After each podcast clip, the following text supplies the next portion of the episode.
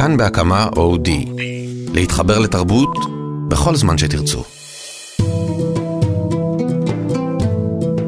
שלום לכם, אנחנו בתוכנית נוספת של גם כן תרבות, איתי באולפן רז חסון ואסף רפפורט, ואנחנו נמצאים ממש בשניות בהם יש את ההכנות האחרונות לפני ההכרזה למועמדים הסופיים באוסקר. כן, אוסקר נוסף בפתחנו, הוא יתקיים בעוד כחודש, בסוף פברואר, וממש עוד רגע אמורים להכריז על המועמדים הסופיים. במהלך התוכנית אה, יפרוץ לשידור יאיר רווה, מבקר הקולנוע, הוא יצפה עבורנו בטקס ההכרזה, ובכל פעם שיהיה לו משהו לומר ולעדכן, הוא יהיה איתנו. אבל בשבילי זו הזדמנות מצוינת לדבר על ישראל והאוסקר, אה, כי כבר ארבע שנים, כולל השנה כמובן, שסרט ישראלי עלילתי איננו מועמד בקטגוריית הסרט הטוב ביותר בשפה זרה. האמת, מבאס. זה מבאס כי היו שנים שהיה לנו רצף של כמה סרטים שהיו מועמדים, האחרון שבהם היה הערת שוליים, וזה לא קורה, והשאלה היא תמיד מדוע זה לא קורה, אז נכון שלא צריך להתלונן יותר מדי, כי בשלוש השנים האחרונות שני סרטים תיעודיים וגם סרט עלילתי קצר אחד היו מועמדים לאוסקר, ונכון גם להגיד שאוסקר זה במיוחד בקטגוריה הזו של הסרט הטוב ביותר בשפה זרה, באמת קטגוריה מאוד קשה ש-80-90 מדינות בעולם מנסות להיכנס אל המשבצת הזאת אה, וזה מאוד קשה ונכון שזה הימור כי לפעמים פוגעים ולפעמים לא אבל באמת אולי הגיע הזמן להגיד די ולהגיד דחילק. אולי כדאי שהאקדמיה הישראלית לקולנוע תעשה סדר כי עד היום חברי האקדמיה מאות חברים הם אלה שבוחרים בנציג הישראלי לאוסקר ואולי הם פשוט לא עושים עבודה טובה אולי בגלל שהם מנסים לבחור את הסרט האיכותי הטוב ביותר אולי בגלל שהם מצביעים עבור החברים שלהם או עבור הסרטים שהם עצמם עבדו בהם. אולי פשוט, כמו שאנחנו אומרים כבר שנים, תוציאו את ההחלטה לוועדה חיצונית שכל התפקיד שלה יהיה לצפות ב-30-40 סרטים שישראל עושה בכל שנה ולהגיד לעצמה מה הסרט הטוב ביותר שיכול להיות לו אפיל בעיני העולם ואותו לשלוח בין אם הוא הטוב ביותר בין אם הוא לא הטוב ביותר כאן השאלה היא שאלה פופולרית מי יכול להתאים יותר לקטגוריה וככזו צריך לבחור אותה. היום בתוכנית אנחנו נדבר על יצירות ספרותיות חדשות שנכנסות למערכי הלימוד בבתי הספר, כמובן בעקבות ועדת ביטון. אנחנו נדבר על עיבודים קולנועיים חדשים לסרטי ספורט, נשוחח עם יאיר רווה כמו שהבטחתי, הוא יעביר לנו דיווחים מהשטיח האדום של האוסקר, אבל בואו נתחיל לדבר קודם על רוסיה. רוסיה כי הדומה, הבית התחתון של הפרלמנט הרוסי, אישר בקריאה ראשונה חוק המטיל הגבלות על בעלות זרה של שירותי וידאו סטרימינג כמו נטפליקס ואמזון, אתם בוודאי מכירים אותם. על פי החוק שאמור להיכנס לתוקף בחודש יוני השנה, חברות זרות שירצו לעבוד ברוסיה ולהפעיל את השירותים האלה, יוכלו להחזיק רק עד 20% מהבעלות על החברות האלה. החוק כמובן עבר רק בקריאה ראשונה, כמו שאמרתי, הוא צריך עוד לעבור אישור של הבית העליון וחתימה של הנשיא, אבל אנחנו כבר רואים ויודעים שזה נדבך נוסף של השתלטות הקרמלין על כל גופי השידור. לפני שנה הם כבר החליטו את זה על רשתות הטלוויזיה, עכשיו הם עברו לשירותי האונליין. איתנו נינו אבסדזה לשעבר חברת כנסת, היום פרשנית לענייני רוסיה. נינו שלום, תודה שאת איתנו. שלום רב ידידי. תעשי לנו סדר, מה הם רוצים? שאלה בדיוק הנכונה ביותר, כי השאלה, כשאנחנו מדברים על רוסיה, אתה לא יכול לדבר לא על חוק אחד ולא אפילו על עשרות חוקים, אם לא מסתכלים על הבסיס של התמונה הגלובלית. התמונה הגלובלית אומרת ככה, ב-2018 ברוסיה יש בחירות לנשיאות. ולקראת הבחירות האלה הם מנסים לפי דעתי לעשות הכל, אבל הכל כדי להפנות את דעת הקהל לכיוון הנכון. נכון כמובן לכיוון שקרמלין תומך בו, זה ברור. עכשיו זה מצד אחד. מצד שני כבר מההתחלה, עוד פעם, כשאנחנו מדברים על רוסיה, חייבים להבין, זאת לא סין. לטוב או לרע, זה לא מדינה ששם אתה יכול להגיד לא לפייסבוק או לטוויטר או למה שזה לא יהיה. פשוט לסגור את זה. כן, פשוט לסגור את זה. זה פשוט לא יעבוד, למשל היום, לפני כמה דקות, אני פותחת ואני רואה תגובות על החוק הזה, על החוקים שיכולים לבוא בעקבותו ולגעת גם בגוגל וגם בפייסבוק, mm-hmm. ואני קוראת תגובות שהן שליליות לחלוטין. ומתוכם אני גם קוראת את מה שמתבקש בעצם. אבל נינו, אבל נינו, מהלכים כאלה, גם החוק שהם, אה, שהם העבירו בשנה שעברה על אה, של רשתות טלוויזיה, וגם החוק שהם מנסים עכשיו להעביר לגבי הבעלות של, אה, של ערוצי סטרימינג, זה כבר אל העולם, זה כבר לא פנימי. זה הם אומרים לעולם, הם אומרים לעולם, אנחנו נחליט עבורכם מי יהיה בעלים של רשת שידור, זה כמעט בלתי נתפס. עכשיו, הייתי מסכימה איתך, קודם כל זה באמת כמעט בלתי נתפס, זה מיליון האחוזים, יש פה אבל אחד שאי אפשר לא לראות אותו.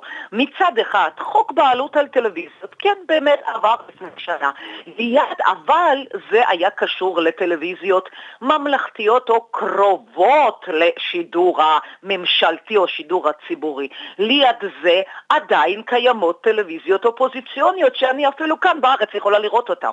אני לא רוצה להגיד שליד כל ערוץ קם עוד אסירה, אבל עדיין כן אפשר לראות. זאת אומרת, רוסיה, אתה לא יכול לדבר על קולקטיב שהוא ילך והוא יצביע באופן אוטומטי לכל מה שהממשל בקרמלין רוצה. זה פשוט לא קורה. זאת אומרת, לא יהיו, כאן, לא יהיו כאן 100 אה, אחוזי הצבעה בעד פוטין והחבר'ה שלו. לא 100 אבל... אחוזי הצבעה גם לא היו באוויר, זה לא יהיה. אבל עדיין, מה... עדיין יש שליטה אמיתית. כן, חד משמעית, יש באמת בעיה, אבל לא לשכוח עוד דבר אחד. אפילו דור שלי, ואני בת 51, לא יעזור כלום, לטוב ובעיקר לרע. אנחנו בוגרי עיתון פראבדה, שלא נדבר על הדור יותר מבוגר ממני. זאת אומרת, את הדור הזה, גם בסיטואציה שהעולם היה הרבה פחות גלובלי, אנחנו ידענו מה לקרוא, ועדיין איך להשיג את המידע האמיתי, אתה מבין? אני, אתה לא חושב, לא שאת, אני חושב שמה שאת עושה לי בעצם הבדלה בין הנפש של העם הרוסי, שמוכן שידחקו בו אבל עד גבול מסוים, לבין באמת הכוח שנמצא בידי הפוליטיקאים. אתה יודע, אם אנחנו מדברים על הנפש של העם הרוסי, כל התגובות השליליות, ובאמת יש שם, שינסו רק לסגור, זה יפגע בהם, ודברים, יש שם באמת דברים קשים. אני רואה תגובות של הצעירים ושל הבלוגרים mm-hmm. שאומרות ככה, שים לב, אם אנחנו מדברים על נפש.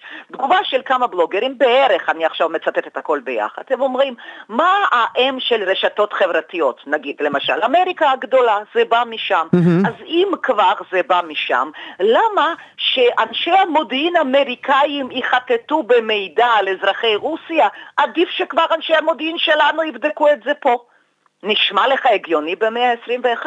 לא, mm-hmm. אבל זה כותבים, וכותבים אנשים צעירים. Mm-hmm. אם אנחנו כבר מדברים על הנפש המסתורית. Mm-hmm. ועוד פעם, גם עם החקיקה, הם מנסים, הנה למשל עכשיו... אבל מנסים. ומצליחים, כן? זה לא, זה לא שזה הכל באולם ריק.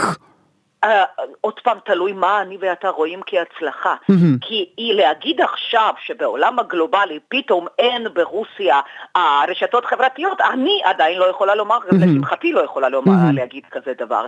ליד זה אני לא יכולה לא לשים לב שאמרו עכשיו לגוגל, לך אדוני ותרשם כמשרד מקומי כן. כן, בדיוק זה מה שהם הולכים לעשות, כן, בדיוק כן, מה שהם הולכים לעשות. כן, זה מה שהם הולכים לעשות. הגיוני? כמובן שלא. Mm-hmm. למה? כי יש חוק שאם יש לך יותר ממיליון אנשים שמשתמשים בך ביום, אתה חייב להירשם כמשרד מקומי. Mm-hmm. ברוך שגוגל לא אוהב את זה, אבל לגוגל גם יש קילומטראז', אתה יודע, כמובן. ובאמת... וגם פייסבוק לא ממש הגיב עד כמה שאני הבנתי עד עכשיו, כי יש להם קילומטראז' לעבוד עם המשטרים, ששם בכלל ידעו לסגור אותם. אז בואי ברשותך שתי שאלות שאני אחבר אותן לאחת אה, בשביל לסיים את הריאיון שלנו. האחד, עד כמה, עוד כמה זמן אה, פוטין מתכוון להיות הצאר הרוסי? והשאלה השנייה, איך החברות האמריקאיות יקבלו את אה, רוע הגזרה הזו? Uh, אתה יודע מה, האמריקאים כבר קיבלו את הגזרה, את היחס שלהם לרוסיה, כבר שמענו ב-2014 שהם הטילו סנקציות כלכליות קשות שאין כמוהם על רוסיה. Mm-hmm. זה כבר שנתיים ומשהו, כן. כן? אז האמריקאים יש להם עמדה ברורה. עכשיו השאלה, איך מסתכלים על זה ברוסיה ואיך מסתכל בן אדם שאנחנו עוד לא יודעים אם הוא הולך להתמודד, אבל אני כמעט בטוחה שכן, ב-2018. Mm-hmm. הוא מסתכל על כל מה שקורה באמריקה, למה הם כל כך סמכו על ניצחונו של טראמפ?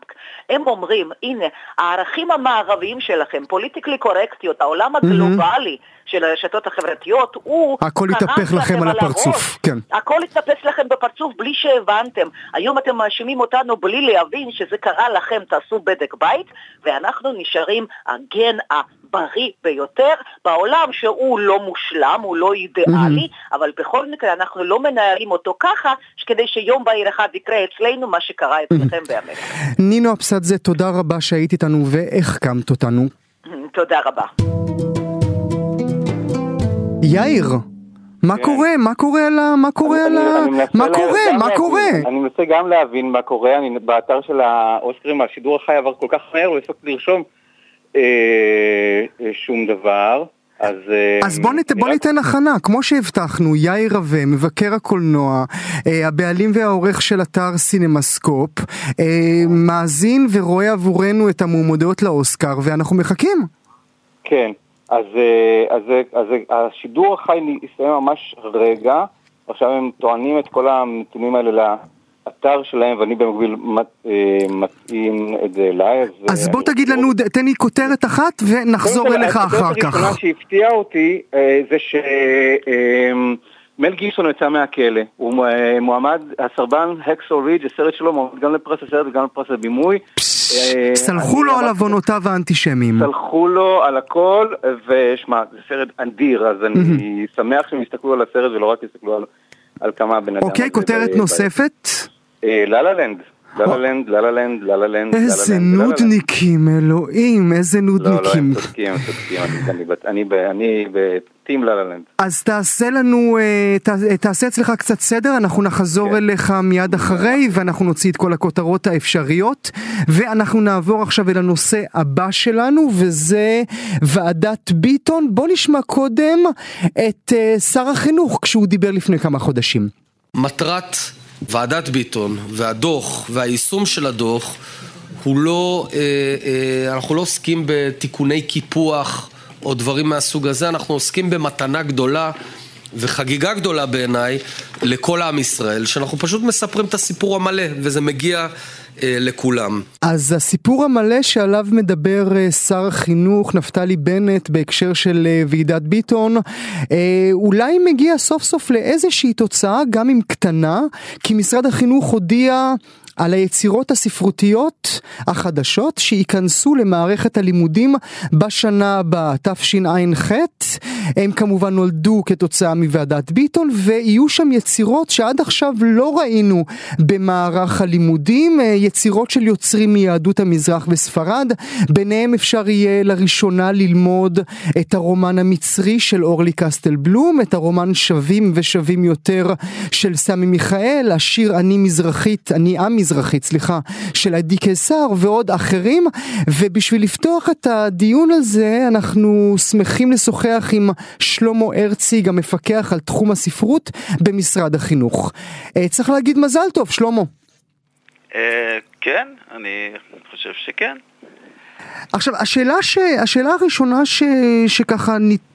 אני מסתכל על הרשימה שפרסמתם, שמשרד החינוך פרסם, ואני תוהה למה היה צריך לחכות לוועדת ביטון כדי להכניס את היצירות האלה. Uh, התשובה היא פשוטה. Uh, זה לא שלראשונה uh, עכשיו בתוכנית הלימודים uh, מופיעות יצירות מזרחיות, יש ייצוג לזהות המזרחית, לקול המזרחי. כל הדברים האלה היו, ואפילו בצורה די מובהקת. אה, אז למה היה צריך את הוועדה? הוועדה? אז למה היה צריך אותה אם, אם זה נמצא? היה צריך אה, לאיזושהי אינטנסיביות אה, או העמקה של המורשת המזרחית, וזה מה שנעשה. Mm-hmm. אפשר לבדוק גם מה למדו ב... אה, בבתי הספר בחינוך העל-יסודי לפני הקמתה של הוועדה, ורואים שלמשל הרומן הפופולרי ביותר בקרב אה, מורות ותלמידים הוא חצוצרה בוואדי של סמי מיכאל. ששנים לומדים אותו, כן. נכון, וסיפורים אה, אה, כמו אח קטן אה, וחיזו בטטה של... אה, אה, סמי ברדוגו, הם... אה, אתה בעצם אומר לי בין השורות שלא היה צריך את הוועדה הזו, שכל לא הטררם הזה, שכל הטררם שנעשה מסביב לא, היה סתם בשביל כי מישהו היה לא- צריך כותרות. לא, אמרתי את זה. כאשר יש מדיניות מטעם המשרד להביא לאינטנסיפיקציה של הוראת היצירה המזרחית, מתן ביטוי אה, מעמיק יותר לזהות המזרחית, אה, אז בעיניי זה מהלך אה, לגיטימי ואנחנו נרתמנו לו. Mm-hmm. כל מה שאני אומר שלמדו גם קודם, על פי מדיניות המשרד באופן לא מספיק, mm-hmm. ועכשיו אני מקווה שבאופן כן מספק. Mm-hmm. אז בוא נעשה קצת סדר, כי באמת אחת ההכרזות אה, שיצאו, גם, אה, גם ארז ביטון המשורר אמר את זה בקולו כמה וכמה פעמים, הוא אמר אני לא רוצה להוציא יצירות קיימות, אלא אני רוצה להוסיף חדשות. ואני תמיד תוהה איך עם מערך שיעור שכולל איקס שעות קבוע, אפשר גם לא להוריד וגם להוסיף. או, אז uh, זאת שאלת מיליון הדולר. כי המשאב uh, הכי יקר במערכת החינוך הוא אמנם uh, שעות לימוד, ומהלך כזה לא ניתן. כלומר, כל שנה... לא הוסיפו יכולים... לך שעות. לא. לא הוסיפו לך שעות, אבל אמרו לא. לך תלמד יצירות נוספות. נשמע... לא, גם זה לא נאמר כך. תראה, אה, מה שהמשורר ארז ביטון אמר, אנחנו לא באנו לקצץ בנטיות, לא לסלק אף יוצר אשכנזי מתוכנית הלימודים, mm-hmm. באנו להעשיר, באנו להוסיף. Mm-hmm. עד כאן טוב ויפה, mm-hmm. אבל הוא לא הביא עמו איזה נדוניה של uh, עוד כמה, אני יודע מה, איקס uh, שעות. אלפי שעות mm-hmm. לימוד שבהן ניתן... Uh, אה, להוסיף על הקיים. Mm-hmm. אז מה שניתן לעשות זה למעשה שני דברים בסיסיים. האחד, לחייב את הוראת היצירה המזרחית, mm-hmm. ולא לאפשר מצב ש... של בחירה, אוקיי. או לצמצם את הבחירה, mm-hmm, לומר mm-hmm. שכך וכך יצירות... אוקיי, אז עכשיו הם חייבים, והדבר השני? אה, יצירות מזרחיות mm-hmm. של יוצרים מזרחיים, ולעניין ההגדרה נניח כרגע אה, בצד. אז רגע, לפני, אז שנ... מהלך, לפ... אה... לפני שנניח את זה בצד, כן. כי זה דבר מעניין מה שאתה אומר. כי כשאני מתבונן ברשימה, אז נכון, אני רואה בה, ואני שמח על כך, כמובן אי אפשר לטעות בשם המשפחה שלי, אני שמח שלומדים דבר נוסף של סמי מיכאל, ואני שמח שלומדים את אורלי קסטל בלום, אבל מה שמעניין ברשימה, שגם יש בה למשל את פקרובסקי ואת uh, בוריס זיידמן, שאי אפשר לנחש שהשניים האלה הגיעו... Uh, אה, מערבות צפון אפריקה. נכון. אה, אז איך הצלחת להשחיל את זה לשם? זה לא עניין של להשחיל, לחלוטין לא להשחיל. בוא נראה באיזו מסגרת הם uh, השתלבו. למעשה, בחטיבה, בחטיבת הביניים uh, יצרנו יחידת הוראה שהיא חובה, קראנו לה יצירה המזרחית, והיא מצטרפת לחטיבות הוראה נוספות בספרות. וכרגע בחטיבת הביניים חובה ללמד אה, לפחות שני שירים ולפחות סיפור אחד מתוך הקורפוס הזה של היצירה המזרחית. ויש שם רק יוצרים ויצירות מזרחיות, בין אם כאלה שהיו כבר בתוכנית ובין אם יצירות חדשות. וישנה רשימה אחרת. וישנן שתי אה, יחידות הוראה בחטיבה העליונה. האחת נקראת החברה הישראלית, שים לב, בין שבר לאיחוי, זאת חטיבת... שירים, mm-hmm. שמן המחצית השנייה של המאה ה-20 וראשית המאה ה-21, שבה יש דומיננטיות מובהקת ל... אה, ליוצאי צפון אפריקה, כן. כן, יוצאי צפון אפריקה, אבל לא רק, יש אה, דומיננטיות של היוצרים והיצירה המזרחית. Mm-hmm. אבל אני לא חושב שזה נכון, וכשאני אומר אני, אני מדבר בשם ועדת המקצוע שישבה על המדוכה, הרי זה לא פרי יצירה אישית שלי. ואמרתם, אנחנו לא רוצים גטו, לא משנה, לא משנה מה המשרד יגיד, לא משנה מה נכון. המשרד יגיד, מה נפתלי לא, יגיד, לא מה ארז יגיד, אני לא רוצה תחתיי גטו. המשרד לא אמר, אה, אנחנו רוצים כך או אחרת, להפך. אני חושב שקיבלנו תמיכה מאוד uh, יפה mm-hmm. מהמשרד כאנשי מקצוע בתחום הספרות והוראת הספרות, ואף אחד לא ביקר את העובדה ש... אנחנו נתנו במה גם לקולות, uh, נניח... גם לפקרובסקי ולזיידמן. נכון, להפך, okay, אוקיי, אפילו אהבו אז... את המהלך. הם באמת, הם באמת יוצרים מאוד חשובים שכדאי בבקשה, ללמד אותם. אתה אמרת. אה, אז, יש, לי, אה, יש לי שנייה לסיום ואני בכל זאת רוצה ככה מהמקום הרגוע יותר והספרותי יותר לברך אתכם, באמת לברך אתכם על ההכנסה של חלום בדמי כבוד אה, של גרמאו מנגיסטו. Uh, אני חושב שהוא הסופר האתיופי הראשון שילומד בבתי הספר, אם אני לא טועה.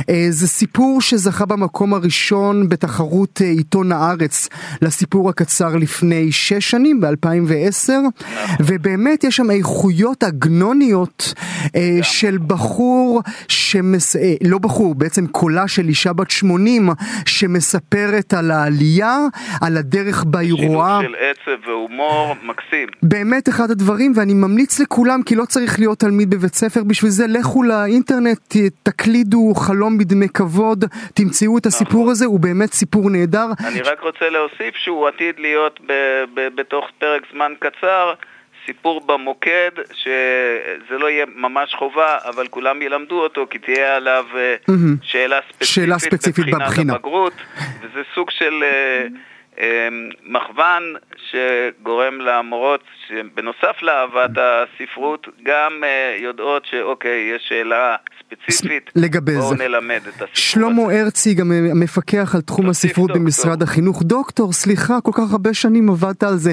דוקטור שלמה הרצי גם תודה. מפקח על תחום הספרות במשרד החינוך תודה רבה שהיית איתנו בבקשה.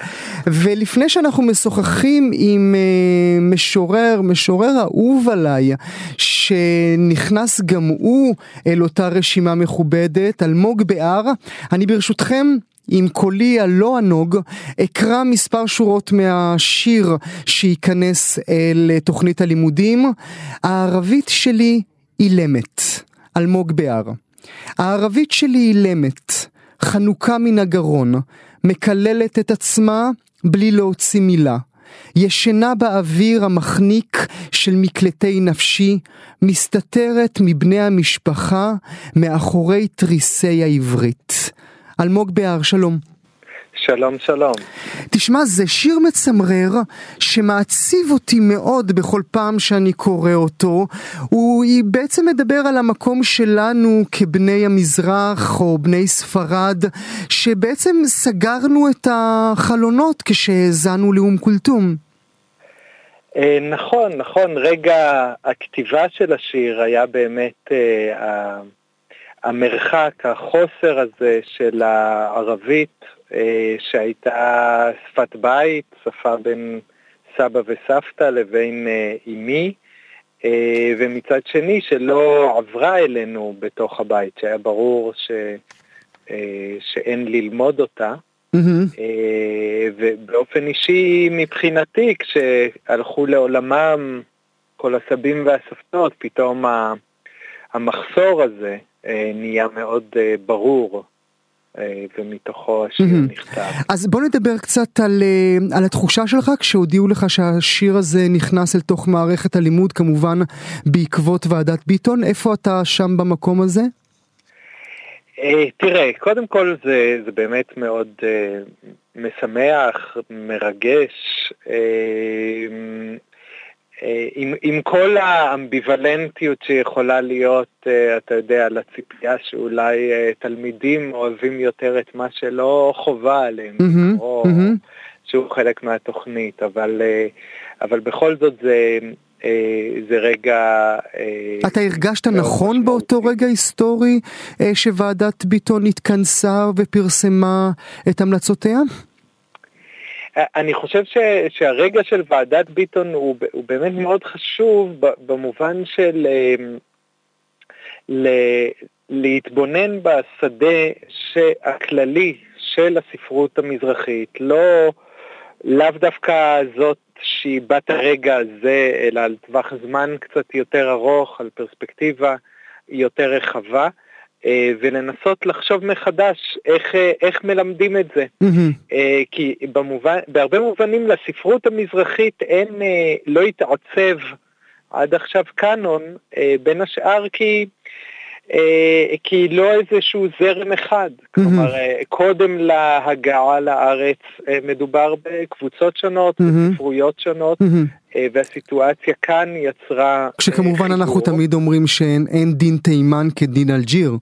נכון, ובעצם הרגע הנוכחי של 60 השנים האחרונות, קצת יותר, ופה בא הרגע של לנסות לעצב איזושהי תמונה איזשהו סיפור בתוך זה, אה, כשמבחינתי מאוד משמעותי, אני חושב שהשינוי ב, ב, בלימודי הספרות mm-hmm. הוא מאוד משמעותי, בעיניי הוא צריך להיות מלווה גם לשינוי אה, לשוני במובן של נוכחות של הערבית, mm-hmm. כלומר כי... שזה צריך לומר... כדי... שזה צריך לומר לא משהו שאת... בדיוק, לא קרה עדיין. אבל, אבל כדי שתוכל להילמד היצירה של אה, יהודי העולם הערבי mm-hmm. בערבית יהודית ובערבית ספרותית לאורך הדורות, צריך ללמוד את הערבית. אתה קצת חי בלה-לה לנד, אלמוג. בתקווה שבסופו של דבר אה, יקרה, אתה יודע, קורים אה, ניסים, ניסים. לא חשבת. שיקרו. כן. אז תן לי לסיים את השיחה בינינו בעוד, אה, בשורות האחרונות של השיר הכל כך נהדר שלך, הערבית שלי אילמת, ואתה מסיים את השיר במילים, הערבית שלי פוחדת, מתחזה בשקט לעברית, ולוחשת לחברים עם כל דפיקה בשעריה, אהלן, אהלן, ומול כל שוטר עובר ברחוב, שולפת תעודת זהות מצביעה על הסעיף המגונן אנא מן אל יהוד, אנא מן אל יהוד, והעברית שלי חירשת, לפעמים חירשת מאוד. אלמוג בהר, ברכות, תודה רבה שהיית איתנו. תודה רבה. וחזר אלינו ממש מערבות הכפור של הוליווד, חנות בחליפה ובעניבת פרפר יאיר רווה, מה קורה? אני חי בללנד. אז הרשימה מולנו, אה, הפתעות ואכזבות בשפע. קודם כל, אני ממש ציפיתי שהולך להיות סרט ישראלי מועמד בקטגוריית הסרט הקצר, סרט התיעודי הקצר. Mm-hmm. כולם הימרו, כל מומחי האוסקר הימרו שבית האלמת יהיה מועמד, והוא לא מועמד. אוקיי. Okay. אז אין אה, נוכחות ישראלית okay. אוקיי. השנה באוסקר. אוקיי. Okay. צריך להתמודד עם סרטים טובים של אנשים אחרים, שלא אנחנו. ויש כאלה. ויש. וזו רשימה מאוד מפתיעה של ה... סרטים אה, שמועמדים לפרס הסרט, תשעה סרטים קודם כל תגיד לי אם מריל סטריפ מועמדת בפעם ה-856. מועמדת. מזל טוב, באמת מזמן היא לא קיבלה. על סרט איום ונורא בעיניי, פלורנס פוסטר ג'נקינס, ממש שנאתי אותו, אבל אה, מריל סטריפ היא כאילו אה, ברירת מחדל. אם היא משחקת היא מועמדת, זה הדיל. אבל בוא אני אקריא לך את הרשימה של הסרטים שמועמדים לפרס הסרט, תגיד לי כמה מהם ראית. אוקיי.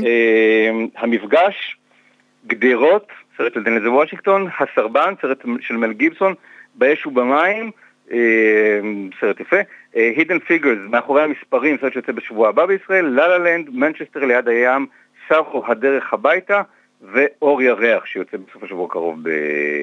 בארץ. אלה הסרטים. אוקיי. קודם כל, אתה זוכר שנה שעברה את העניין הזה של אוסקר so white? בוודאי, בוודאי. אז, אה, אז שנת אז השנה הוא צהוב.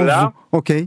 הוא תיקון מאוד מאוד גדול, אני לא יודע אם באופן ספונטני או באופן אה, מכוון, וקודם כל כבר בפרס הסרט יש שני סרטים של יוצרים שחורים על, אה, על דמויות שחורות, גדרות, הסרט של אה, דנזי וושינגטון ואור ירח, mm-hmm. הסרט של ברי ג'נקינס. אור ירח, אור ירח זה הגבר השחור המתבגר כן, לאור ההומוסקסואליות שלו ילד, בעצם. ילד, נער וגבר, mm-hmm. בשלושה שלבים בחייו של של גבר שמתמודד עם. זהותו. זה לא, הנושא של ההומוסקסואל זה חלק מהזהות שלו, שאיתה הוא מתמודד לאורך uh, שלושת הפרקים mm-hmm. שלה. טוב, זה, זה בדיוק הזמן להגיד למאזינים שלנו שאנחנו בעזרתך ובכיכובך אנחנו נקיים uh, כמה uh, שידורים מיוחדים לקראת האוסקר ארוכים שבהם אנחנו uh, ממש נחפור אל תוך הדבר הזה. רק לסיום שאלה אחת, שוב אין אישה במאית שמועמדת אה, לאוסקר? יש איזושהי אישה במאית שאתה היית חושב שהיא צריכה להיות מועמדת ואתה מאוכזב שהיא לא, כלומר אין, התשובה היא לא.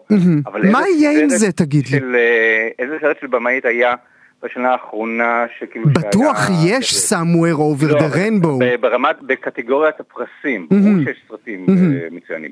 אה, בקטגוריית הסרטים, סרטי ה... התעודה יש, שם כן. כמובן, אנחנו תמיד יודעים שזה המקום שלהם. ושם סרטי, אני אתן לך כותרת אחרונה, מהמם. בסרטי התעודה, אפרופו הנושא של, אה, של שחורים באוסקר, חמישה סרטים, ארבעה מהם של במאים שחורים, במאים ובמאיות שחורים, וסרט אחד מהם הוא, איטלקי. אחד מהם הוא של, הוא על אוג'יי אני יכול לנחש. אוג'יי, כן, אווה הבנתי. זה הוא, שהוא אה, לא נכנס אה, לסרט הטוב ביותר. אוקיי, מעניין. יאיר רווה, תודה רבה שהיית איתנו, תודה על כל העדכונים האלה. ועכשיו...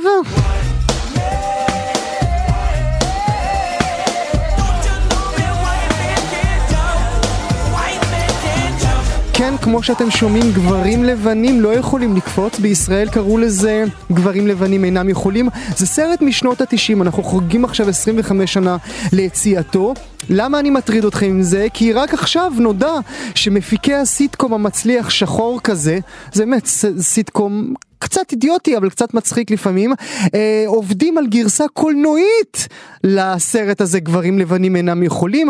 אה, מי, ש, מי שזוכר, מי שלא זוכר, במרכז הסרט היה מין רמאי רחוב כזה, וודי ארלסון, הוא מסתובב בין מגרשי כדורסל, חובבים, מתערב עם כולם, עם שחקני רחוב שחורים שהם מניחים שבגלל שהוא לבן הוא לא יודע לקלוע והוא מנצח ולוקח מהם כסף ובלאגנים וכאלה. דבר נוסף שאני מכניס לתוך הבלאגן הזה, זה שגם את ספייס ג'ם, סרט שיצא לפני 20 שנה, גם לא הולכים לעשות חלק נוסף.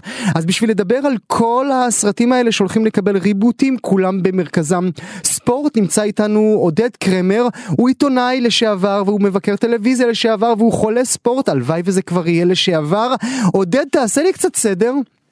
כן, אז באמת יש שנה גדולה לחובבי אה, אה, קולנוע הכדורסל, שני סרטים משנות התשעים, אה, גברים לבנים לא יכולים, וספייס ג'ם, שניהם מקבלים גרסאות חדשות, במק... כנראה, אה, במקרה של וייטמן קן ג'אפ אנחנו מדברים על reboot, כלומר מהמם. על גרסה חדשה של אותו הסרט בדיוק, מהמם. במקרה של ספייס ג'ם זה סוג של המשך, number 2, כן.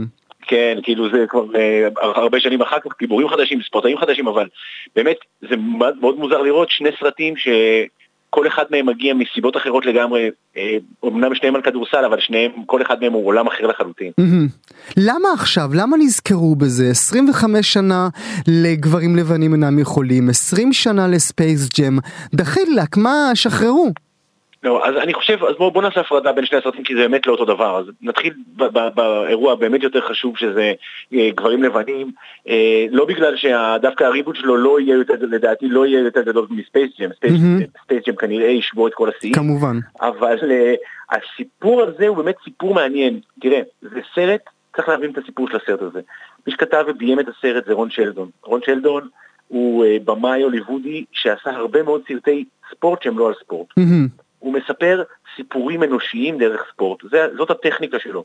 הוא עשה את Bull Durham על בייסבול, ואת Tin Cup על גולף, ואז את Play It to the Bone על אגרוף, ותמיד הסרטי ספורט שלו מספרים סיפור שהולך, שהוא בעצם סיפור יותר גדול מהספורט. מהמם. וזה גם מה שקרה פה.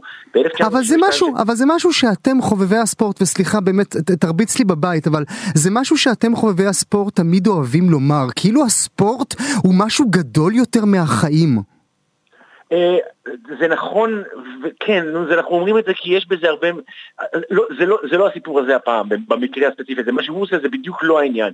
כשאתה לוקח סרטי ספורט קלאסיים, נגיד, Remember the Titans, מהמם. או uh, Sunday Night uh, Lights, כאילו כל מיני דברים של, שאתה, שאתה, של סרטי ספורט אמיתיים, שם באמת יש ניסיון להראות את, ה, את, את ההשוואה בין הספורט לחשיבות החיים והמלחמה.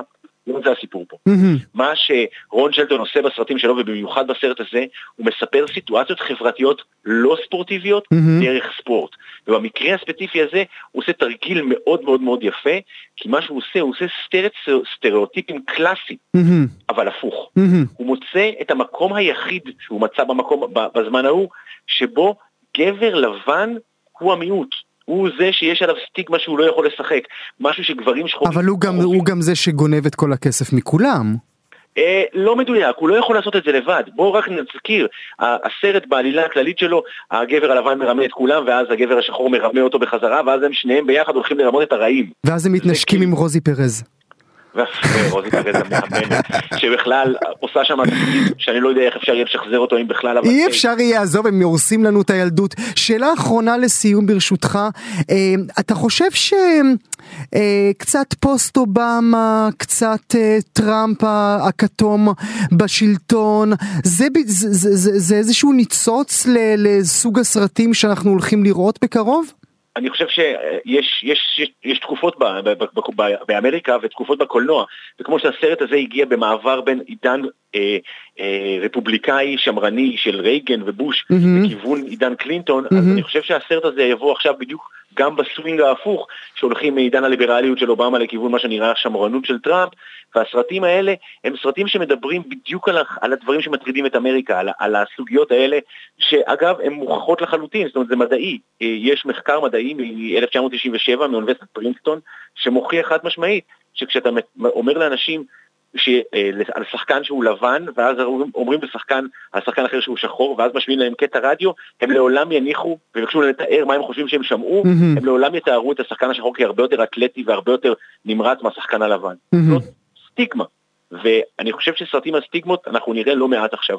במיוחד כאלה שמנסים לנפץ אותם מכיוונים אחרים. מעניין. עודד קרמר, תודה רבה שהיית, שהיית איתנו.